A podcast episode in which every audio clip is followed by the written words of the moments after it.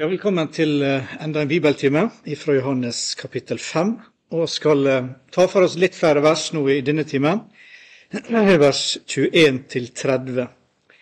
Eh, og i de foregående timene så har vi stifta bekjentskap med noen litt kjente beretninger om Jesus ved møtet med kvinner ved Sykars brønn, og Jesus som helbreder den damme ved Betestadammen. Og I dette eh, så møter oss da motstanden som Jesus eh, fikk. Eh, folk reagerte på, ikke, på, at han valgte feil dag for å helbrede denne lamme mannen. Jesus havna i trøbbel fordi Gud i nærvær av menneskelig smerte ikke overholder sabbaten. Eh, og eh, Jesus svarer eh, og forklarte at han skulle fortsette å gjøre dette som han nå hadde gjort, fordi det var Faderens vilje, det var Guds vilje at han gjorde dette. Så sa han noe som altså utfordra tankemønsteret til ledere og til the establishment i samfunnet, de som lytta til han. Og utfordrer også meg og deg i dag, når han da i vers 20 i foregående verset sier og han skal syne hans større gjerninger enn dette, så disse, så det skal undre deg. Og oss kan undre oss på og tenke hva er større mirakel enn det som Jesus her hadde gjort. Og Vi trenger ikke å gjette, det finner oss da fra vers 21, eh, der Jesus sier hva disse større gjerningene er.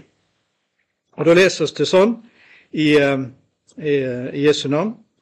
For liksom Faderen vekker opp de døde og gjør levende, såleis gjør Sønnen òg levende de han vil.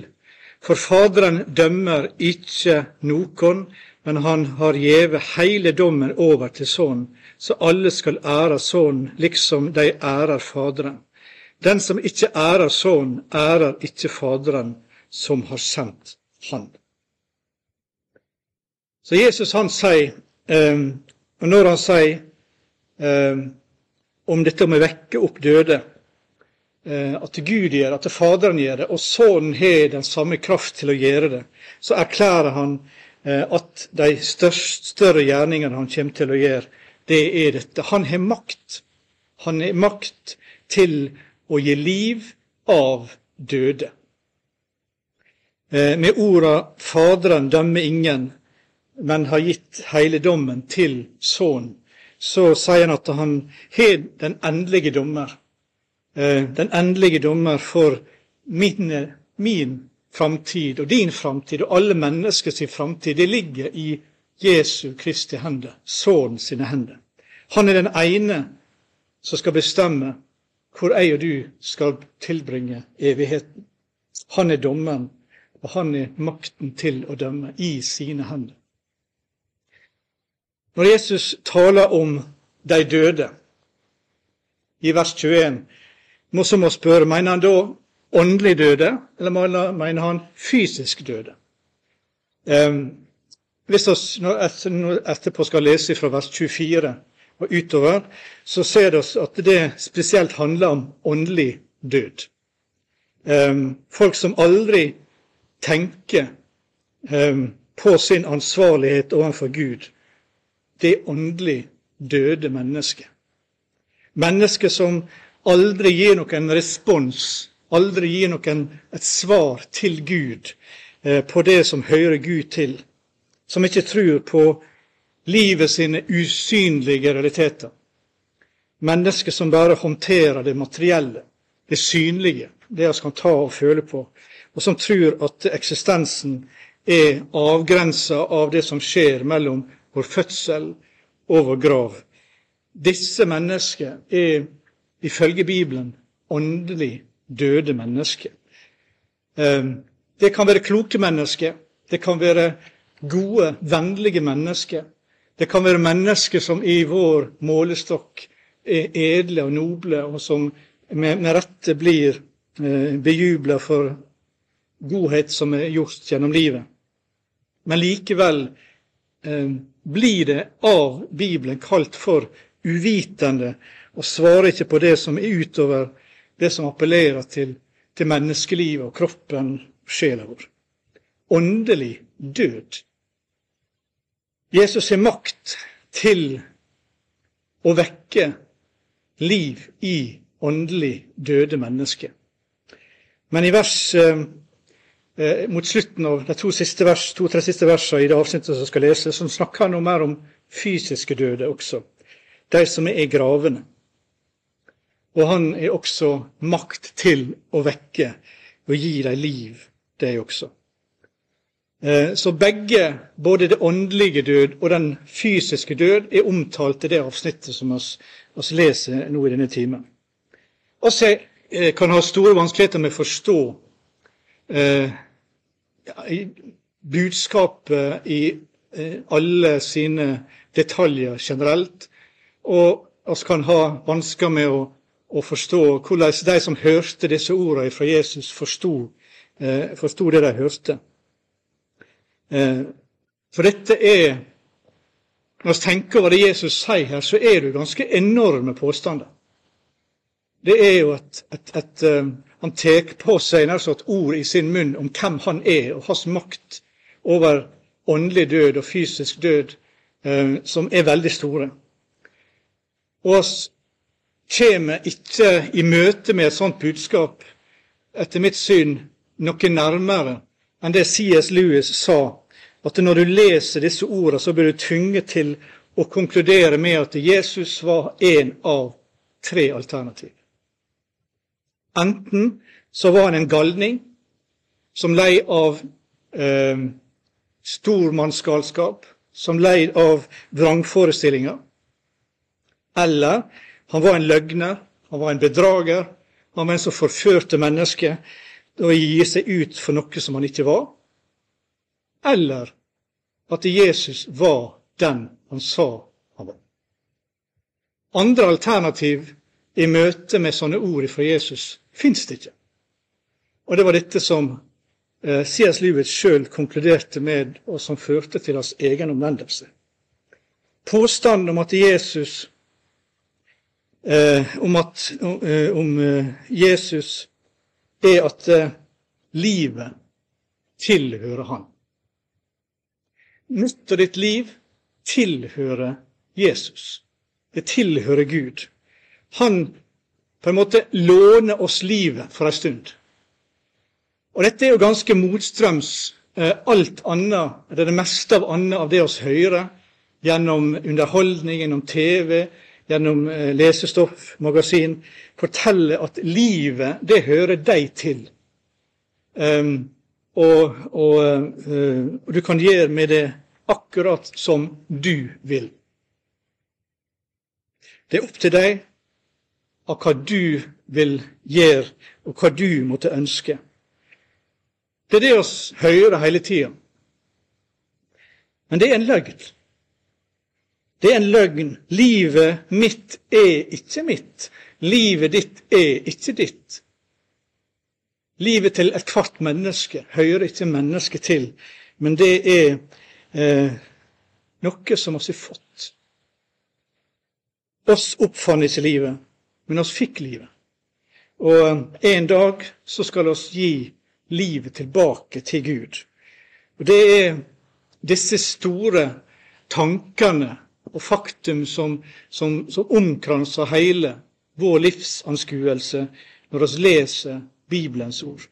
Hvor lett er det likevel ikke å glemme det, overse det, i all vår travelhet?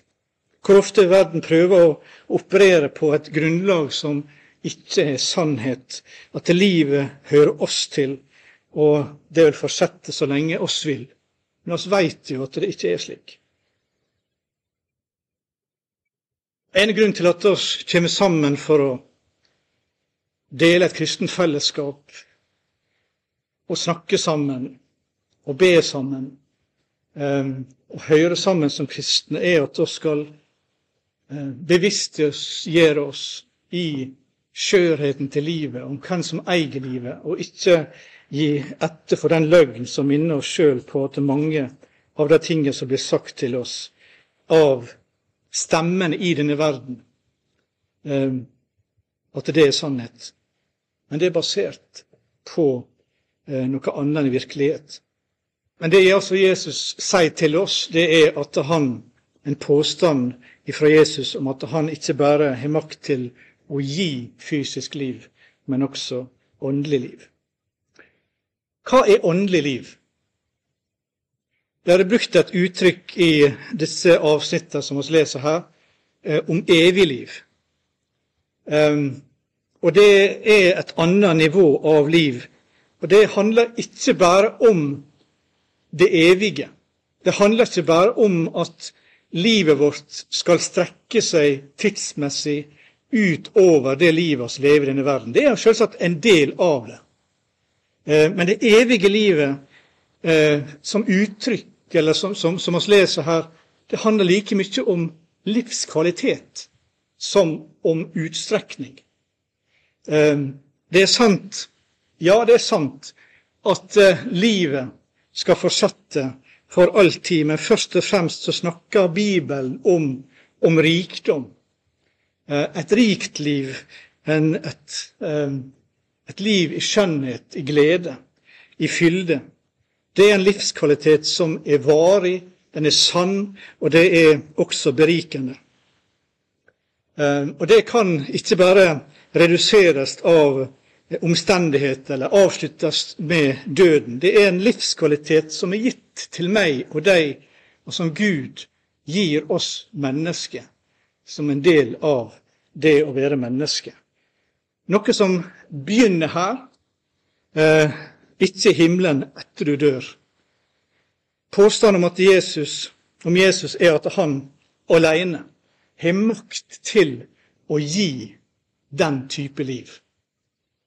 Fordi Jesus gir til hvem han vil, gjør at han også er dommer over mitt og ditt liv og vår, vår skjebne. Han er dommer for alle mennesker. Og det er hans kunnskap om hvem jeg er, og hvem du er, og hvem alle mennesker er, som skal motta evig liv, og hvem som skal forbli uten det evige livet. Ehm, det er hans eh, kunnskap om vårt liv som gjør at han er en ufeilbarlig, en rettferdig dommer for eh, menneskets framtid. Jesus gir deg liv. Om det Jesus har gitt deg dette livet, så er du på vei til himmelen. Han gir deg evig liv, og du skal aldri dø. Du skal aldri dø, du skal aldri smake eh, den tomhet som døden er, den ensomhet som døden er. Men du vil umiddelbart få oppleve en fylde av Guds nærvær over livet som eh, mer enn noen gang før. Og det er kun Jesus Kristus, denne personen som vi samles om, som kan gi oss det.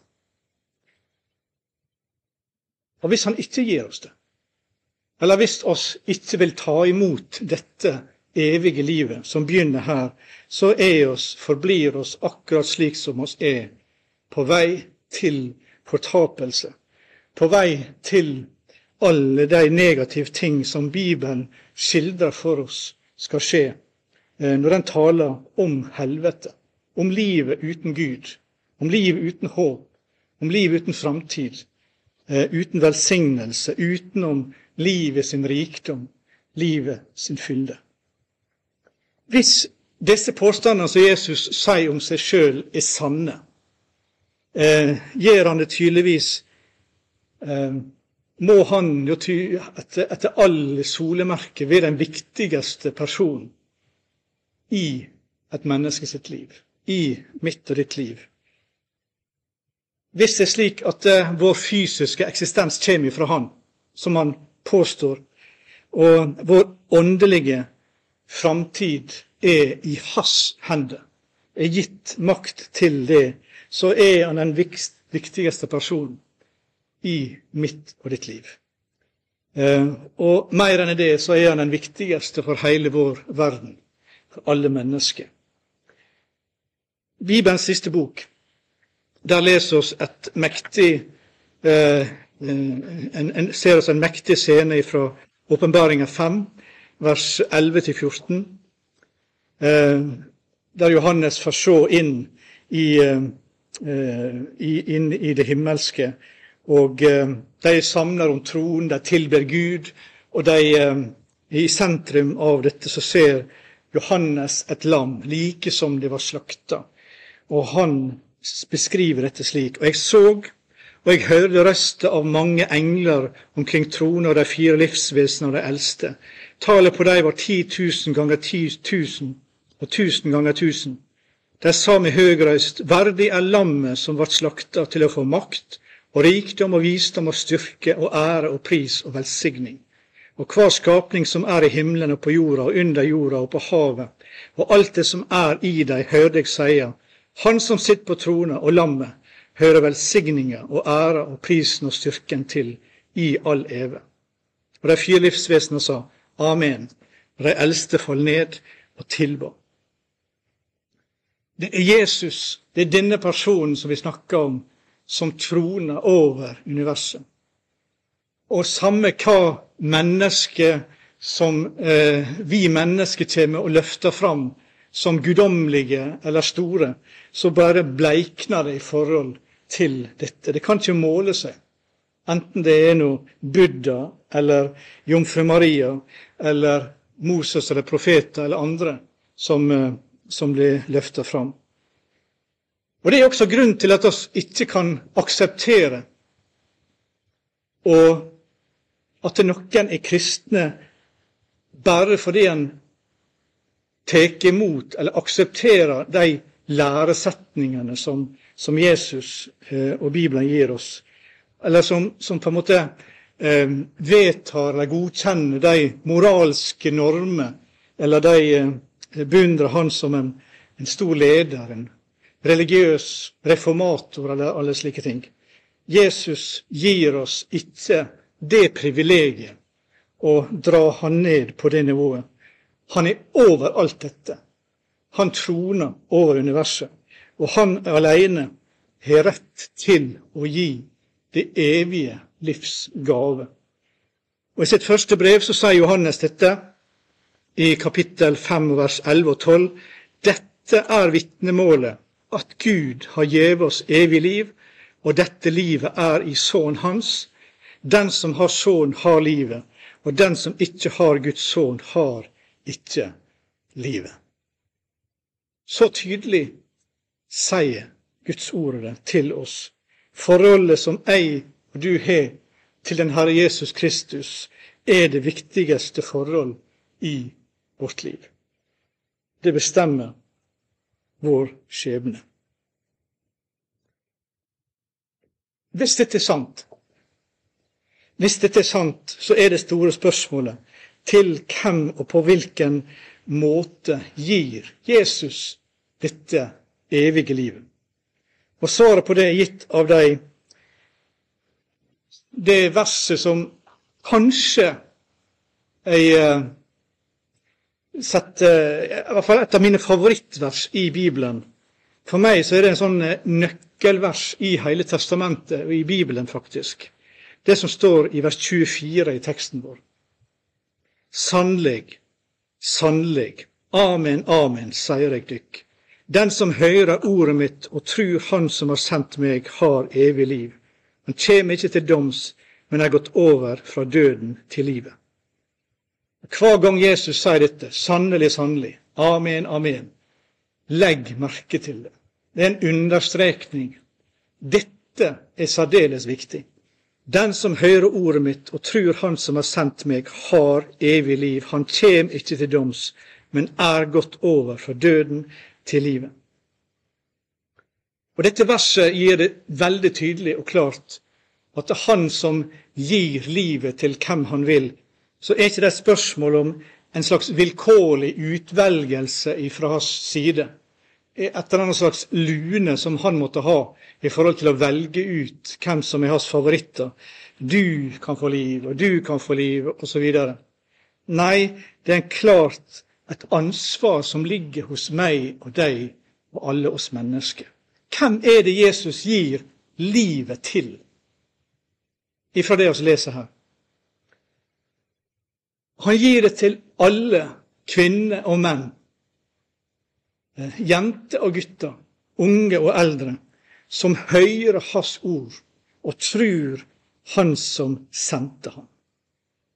Alle som er villige til å satse alt på Jesus. Alle som er villige til å lytte til Hans ord, Hans påstander. Eh, tro at Han er veien, sannheten og livet. Og handle på det grunnlaget. Følge Han.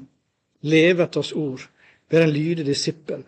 Når en hører Jesu ord, når en hører Jesu budskap og adlyder det han sier, lag merke til hva som skjer. Umiddelbart så sier Jesus han har, han har evig liv. Det er ikke bare noe du skal få. Det er ikke noe du skal få en dag um, etter du dør. Men det evige livet, den har du som er en kristen, og som hører Guds ord, og som tror på Han som sendte Jesus Kristus. Det skjer nå. For du som er trur på dette, du har evig liv. Og umiddelbart er også all dom forbi over din synd, over din eh, fortid og framtid. Um, han synger i en sang, og en veldig god sang. Um, um, syngende Nei.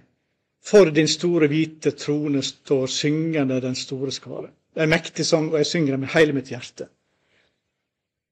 Men ut ifra sånn som jeg forstår Guds ord, så tror jeg det blir lite sang. Det blir ingen sang framfor den store, hvite trone. Når mennesket skal stå der og svare for sine gjerninger.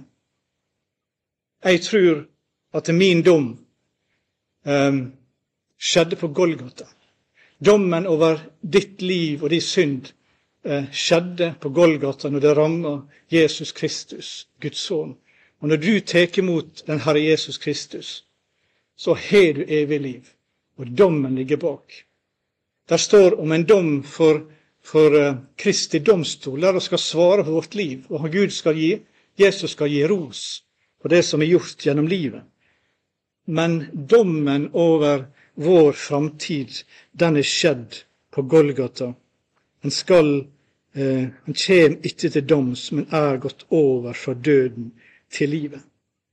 Kanskje du trenger å høre det, du som frykter for framtida, du som er bekymra over, over, dette. Du har Guds løfte på at eh, dommen over ditt liv, over din synd, den skjedde på Golgata. Den er effektuert og du skal aldri mer stå framfor en domstol og skjelve og lure på hvordan dette skal gå. Jesus gjør det klart for disse jødene, for alle som leser, at den er gått over fra døden til livet. Alle oss mennesker er på vei mot døden. Det er ikke noe som vi liker å snakke om. Um, legger det vekk ifra tankene våre så, så ofte som mulig, kanskje. Men det er en sannhet som er likevel der at oss er på vei mot døden. Og på den andre siden av døden så ligger den andre død, eh, med mindre oss har evig liv. Og Det viktigste spørsmålet som jeg og du må svare på, er derfor om vi har trodd på Jesus, om vi har tatt imot det evige livet hos ham. I vers 25 så strekker dette seg eh, godt inn i framtida. Sannleg, sannleg, sier jeg dykk. Dette er også viktig. Den timen kjem, og han er nå, da de døde skal høre Guds sønns røyst, og de som hører skal leve. For liksom Faderen har liv i seg sjøl, såleis har han gjeve Sønnen å ha liv i seg sjøl. Hva mener Jesus med at eh, timen kjem. Ehm, jeg tror det sikter til pinsedag. Ehm, det, det til det nye som skal skje når Guds ånd tar, sin bolig på denne jord og kommer med å fylle mennesket som hører Gud til, med sin kraft og sin ånd. Og på denne måten så gir han evig liv til både jødninger og hedninger og hele Guds menighet rundt omkring vår klode, som han har gjort de siste 2000 år. Og I løpet av den tida så er det alle som hører hans ord og tror dette budskapet som, som blir sammenfatta i Guds menighet ved Jesu brud. Men Jesus sier også 'det er nå'. Um, det er ikke bare noe som skal komme, men det er nå. Og vi kan tenke på disse som Jesus møtte, i, eh, og som han formidla budskapet til. Tenk på Nikodemus, som eh, eh, hørte, og som vi forstår seinere i evangeliet, trodde. Eh, kan tenke på denne kvinna som vi har hatt i en tidligere time, ved Sykers brønn, som, eh, som eh, gjorde det samme. Nikodemus som hørte dette om at liksom Moses løfte opp ormen i øydemarka, således skal menneskesønnen løftes opp. Så hver den som tror på Han, skal ha evig liv. Og Nikodemus trodde det. Og eh, Jesus som møtte denne kvinna og sa, kjente du Guds gave? Visste du hvem det er som sier til deg, 'Lat meg få drikke? Så ba du han, og han ga deg levende vann. Og hun tok imot det levende vannet, og tok imot Jesus. Eh, slik handler Gud der og da. Slik handler Jesus og førte mennesket til livet gjennom dette. Eh, så det skjedde. Timen, den kjem, og den er allerede nå. De åndelige døde eh, ble vektet til liv, til å høre Jesu røst, Guds sønns røst, og alle som ville høre, fikk leve. Sånn er det i vår tid også. Og Så legger han til at som Guds sønn, som den som er evig sammen med Faderen, så har han alltid hatt denne evnen til å gi det åndelige livet til døde. Han har dette livet i seg sjøl, og han gir det til de som vil ta imot det. Og Så legger han til noe da i vers 27. Han har gjeve han makt til å holde dom, fordi han er menneskesønn. Med andre ord, fordi han nå er blitt et menneske og forstår hvordan oss mennesker har det, hvordan oss lever, hvordan oss føler, hvordan oss um, opplever de utfordringene som livet gir oss i vår hverdag, i vårt liv. Fordi han er menneskesønn, så er det hans rett til å dømme om å skal uh, ha livets gave eller om vi skal forbli i døden. Det er fordi Jesus kom iblant oss, levde et liv blant oss, at han forstår oss. Han kjenner vårt liv, og han kjenner de presset som du har, de problem som vi ser, de utfordringene vi ser. Helseproblem. Alt dette veit han og forstår. Derfor så er han den rettferdige dommer som oss skal møte. Eh, han veit tydelig når oss er nådd det punktet der oss gir opp det å satse på oss sjøl og vår egen fortreffelighet, og at vi skal klare oss sjøl. Og når vi når det punktet der alt handler om det Jesus har gjort, det Gud har gjort, for at vi skal bli frelst. Han ser vårt hjerte, um, og han kan derfor dømme rettferdig. Det eneste som forvandler meg og deg og gjør oss nye igjen, det er dette evige livets gave. Og de som har det, kan aldri bli det samme. Og Gud lar dette livet vekse eh, og gro. Og eh, selv om det ofte kan være smertefullt, selv om det ofte kan, kan eh, oppleves eh, at det ikke gjenger den vei som vi sjøl tenker med i vårt liv, ehm, så er det likevel ehm, livets gave. Det er der ehm, Gud har fått skapt det nye i oss og gitt oss en, en evne og en ny vilje til å leve i etterfølgelse av Han, fordi det er det beste for oss. det er livet i Guds ånd. Men ikke bare det åndelige livet, men også det fysiske livet som vi snakker om, er i Guds hender, er Jesu hender. Og Derfor sier han de tre siste versene i dette avsnittet vårt. Undra dykk ikke over dette, for den timen kjem da alle de som er i gravene skal høre røysta hans, og de skal komme ut, de som har gjort godt for å stå opp til livet, men de som har gjort vondt for å stå opp til dom. Jeg kan ikke gjøre noe av meg sjøl, etter det jeg hører, dømmer jeg, og dommen min er rettferdig, for jeg søker ikke min egen, min vilje, men Hans vilje som har sendt meg. Eh, og det siste har vi snakka om i forrige time, om hans, han som Faderens tjener, for å tjene oss mennesker, og er helt fullt i alt overgitt til Faderens vilje. Men her møter oss en, en påstand en, en nydelig påstand. En, Jesus sier at det kommer en time, en dag i historia, der alle sammen, dårlige mennesker, gode mennesker, vonde mennesker, ukjærlige mennesker, mordere, tyranner, eh, helgener, om man skal kalle det sånn, alle skal komme ut av gravene. Gud, Jesus Kristus, han skal tømme kirkegårdene rundt omkring på hele vår klode. Og deretter så ville kroppene til menn og kvinner møte det endelige. De som har gjort godt, skal eh, oppleve livets oppstandelse. Så hva betyr den som har gjort godt. Og igjen så vil det religiøse mennesket begynne å snakke om å gjøre godt. Den som har levd et respektabelt og høyverdig og, og, og moralsk godt liv. Den som har levd godt, eh, vil si å gjøre godt. Hvis du har vært snill imot din neste, hvis du ikke banker kona di, hvis du er snill med, med barna dine og snakker vennlig til folk og prøver å gjøre så godt du kan, så vil Gud slippe deg inn. Det er den religiøse tenkninga som mange mennesker tviholder seg til.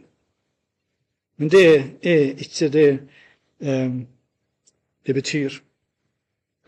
Um, dette er bare noen få vers etter det som Jesus sa om det evige livsgave. Eh, å gjøre godt betyr selvfølgelig å ha mottatt det evige livet. Bare de som Guds liv bor i, er de som gjør godt i Guds øyne. Og oss kan, som sagt, som jeg sa i stad, eh, trekke fram eh, en masse god, gode kvaliteter hos mange mennesker som lever høyverdig gode liv i, vår, våre, eh, i, i vårt øye. Men den som forkaster Guds frelse, den som forkaster det Gud vil gi oss mennesker. Den som forkaster Guds nådegave i den fremste gave som Gud gir oss mennesker. Den gjør ikke godt ifølge Guds ord. Og hva betyr 'gjort vondt'? Ja, Det må jo da åpenbart referere til den som har vendt ryggen til sannheten og som har lukka ørene for det tilbudet som kommer fra Guds munn om nåde for synde. Den som har fornekta budskapet i naturen som taler om Guds eksistens, som vitner eh, i vårt hjerte om at det er en Gud. Mennesker som hele livet har prøvd å gjøre det gode, men som likevel forkaster Guds kall og Guds frelse. Mm. Det er det som det snakker om. Jeg kan ikke se at det har noen annen betydning. Og dette budskapet har lytt, um, og noen har vinkla det og brukt sterke ord og skremsel osv. Så sånt. Men det å skremme, det er å legge til noe som Guds ord ikke sier. Men jeg og du har et ansvar for å lytte til det som Guds ord faktisk sier. Og Det er det som skal, det som skal dømme. Um, Jesus i, Matteus, i Johannes 12 sier at han er ikke kommet for å dømme mennesket. Så skal ikke jeg og du heller dømme mennesket. Um, men Jesus føyer til men mine ord skal dømme på den ytterste dag. Og Det er det vi har å forholde oss til. Jesu ord, Guds ord. Det er det som dømmer meg og deg og ingen andre. Så legg merke til den forsikringa som han gir her i slutten av vers 30 eller som jeg gir vers 30. Jeg kan ikke gjøre noe av meg sjøl. Etter det jeg hører, dømmer jeg, og dommen min er rettferdig. Du skal være sikker på at det vil aldri skje noe justismord hos Gud. Og han ser til hjertet. Han ser det enfoldige. Og han ser den lengsel som du bærer etter å følge Jesus og legge livet ditt i hans hender og følge han. Det er ingen som noen gang skal klage over en urettferdig Gud. Og Når vi leser i Åpenbaringa 15, så er det nettopp dette som er, er, er attesten av den dommen som er skjedd. Til sannelig eh, Gud er rettferdig. I alt det som oss kan oppleve urettferdig i denne verden, så er det at Gud han dømmer rettferdig. Men her stender jeg, og her stender oss alle, innenfor Guds ansikt, med ordet ifra Sønnen, Han som har gitt all makt over til å gi liv, til å ta liv, til å dømme, til å eh, være den som drar oss til seg, og som skal oss stille ansvar for eh, dersom vi ikke gjør det. Så la oss være innenfor Guds ansikt og eh, be om lys over vårt eget liv innenfor dette budskapet.